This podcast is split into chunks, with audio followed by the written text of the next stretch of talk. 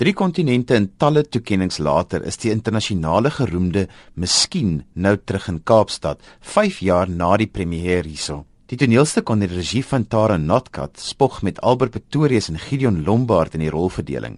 Ek het by een van die repetisies hier by die Baxter Theaterkompleks kom inloer. My naam is Tara Notkat en ek is die regisseur van Miskien. Ek is Gideon en ek is akteur en ek vertolk die rol van Leighton. Albert Pretorius en ek is ook 'n akteur, ek speel Comac en medeskrywer. Tara, hierdie stuk is 'n paar jaar gelede opgevoer. Vertel 'n bietjie vir ons van die geskiedenis van die stuk. Ons het uh, Miskien vir my finale stuk op universiteit gedoen en uh volgende jaar in 2009 twee keer by die Intimidate gedoen. We've done it in other places around the country and also around the world in between, maar nou bring ons die stuk terug na die Kaap toe. Gideon, vertel ons 'n bietjie van die storielyn sonder om te veel weg te gee. Wel, uh miskien gaan oor twee gewone ouens, twee baie goeie vriende en hulle albei het redelike uh, vervelige daaglikse lewens in terme van hulle werk. Hulle sit maar in 'n kantoor voor 'n skerm van 9 tot 5. So die ding waarna hulle uitsien aan die einde van elke dag is 'n uh, bier saam tydens happy hour by 'n plek waartoe hulle na werk gaan. En dit is dan hier ook waar hulle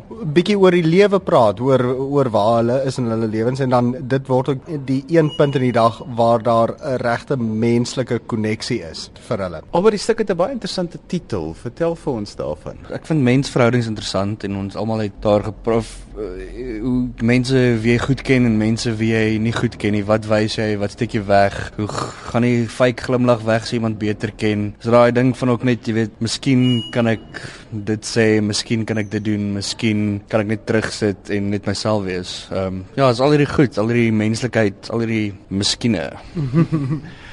Tara, jy het die stuk saamgeskryf. Vertel 'n bietjie vir ons van die proses. Yeah, it was a very interesting process where I would suggest something and the two guys would then chat about it. So we'd go, okay, cool. If you're sitting at watching rugby, what's the kind of stuff that you talk about? So then we had a lot of scenes, a lot of post-its, which then I kind of formed into a structure, and that's kind of what we have today. Yeah, but it was it was really fun. It gave a lot of freedom to play, a lot of freedom to explore sort of different avenues, and obviously in that playing, I mean, there's so much other material that we don't cover in any stick. So it was then my job to kind of go, okay, cool, what is it about, and what are the things we leave out, what are the things we keep in. Julle is my baie keer soos die drie musketiers wat ek sien julle gereeld.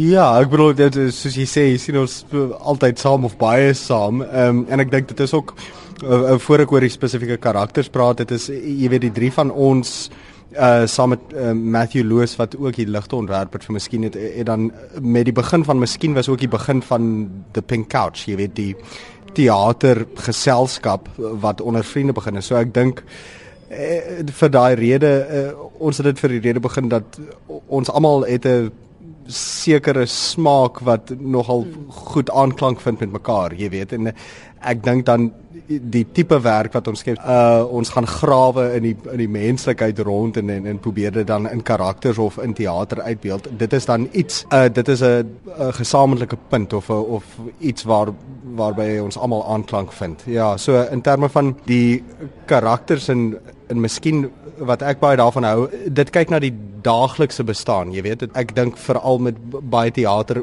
die initiële ding waarop jy dink jy, jy moet fokus is die groot dramatiese oomblikke in die lewe. En so aan, maar daar is klein dramas en klein spannings en klein klein goedjies wat gebeur in die alledaagse lewe wat net soveel betekenis dra maar ons kyk hulle partykeer mis. Ons ons neem hulle van selfsprekend en so aan. So dit dit verg dan 'n dieper kyk na die mens om in die daaglikse lewe goed raak te pyl wat jy dan in 'n sekwens sit wat dramatiese struktuur vorm dan later ja Ehm um, ja, ek is ek is maar altyd gefassineerd met hierdie karakters wat weg van jou af is. Ek, in ons daaglikse lewe, jy kan nie gaan moord pleeg en sulke dinge nie, maar as jy Macbeth is, dan kan jy. Maar ek vind dit ook dat elke karakter wat jy speel, het tog met jouself ook te doen. En ons elemente van jou in elke karakter wat jy doen. Val nou hierdie een wat mens nou self gemaak het uit niks uit nie. En dan natuurlik elemente van jouself, maar is ook lekker om 'n 'n ander kant van jou weer te gee. En hierdie karakters is, is volronde mense, voel ek.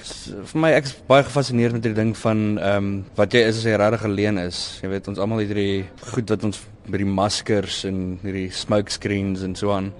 Maar daai ding wat jy as jy regtig alleen is, ehm um, en ek vind veral met hierdie karakter, dis dis waar hy ontstaan, dis waar hy uitgebroei het uit hierdie visie regtig as jy alleen daar sit in jou kamer en jy weet niemand sien jou neus grou nie of so aan. Daar wat interessant is, daar is dat baie akteurs speel 'n stuk nou in Afrikaans en Engels. Watse uitdagings het dit vir julle gebring want hierdie is ook een van die stukke wat by die Baxter in Afrikaans en Engels aangebied word. It's really cool to do both languages. I mean, like when people ask me about the language thing, I always say that someone came to watch it one of the first times that we did it en hulle gesê dit was so mooi om te kyk want dis hoe ek praat. Ek 'n uh, 25 jarige man. Like that for me is very cool, and I think we've sort of hit something. And I mean, you know, we've we've made it like with the Pink Arch. We've always said we wanted to make theatre that we would want to watch, and theatre that sort of says something about us or things that we feel passionately about. And for me, at least.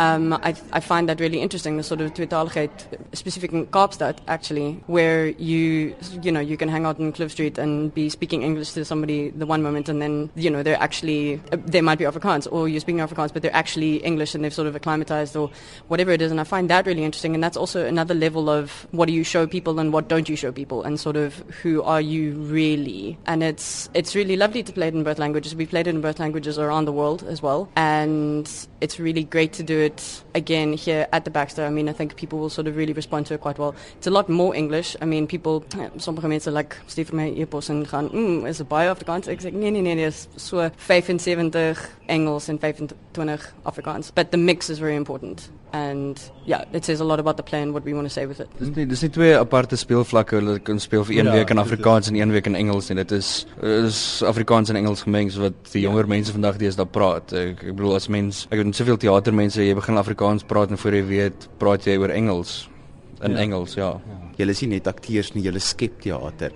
Watse uitdagings bring dit vir julle as 'n jong generasie binne in die teater? Ehm um, ek dink daar's daar's baie uitdagings want jy weet die die konteks waarin jy swaalf fringe of om onafhanklike independent theater skep. Ehm um, jy weet die die die raamwerk verander heeltyd en dit dit dit, dit is uh, so ons op die aan die een kant voel jy jy hop van fees na fees na fees Maar ek moet ook sê ek dink dit is in die uitdagings wat die meer interessante werk uitkom. Jy weet as ons alles tot ons beskikking gehad het, dan dink ek mense raak baie vinnig gelei of hulle hulle raak gemaklik met wat hulle doen. So ek dink die die die uitdagings maak die werk ook, jy weet, want ons het soos met miskien en met baie ander vriende van ons in projekte jy maak 'n uh, teaterstuk met goed wat rond lê in jou ma se garage en jy repeteer in jou voorkamer en sulke goed en so aan.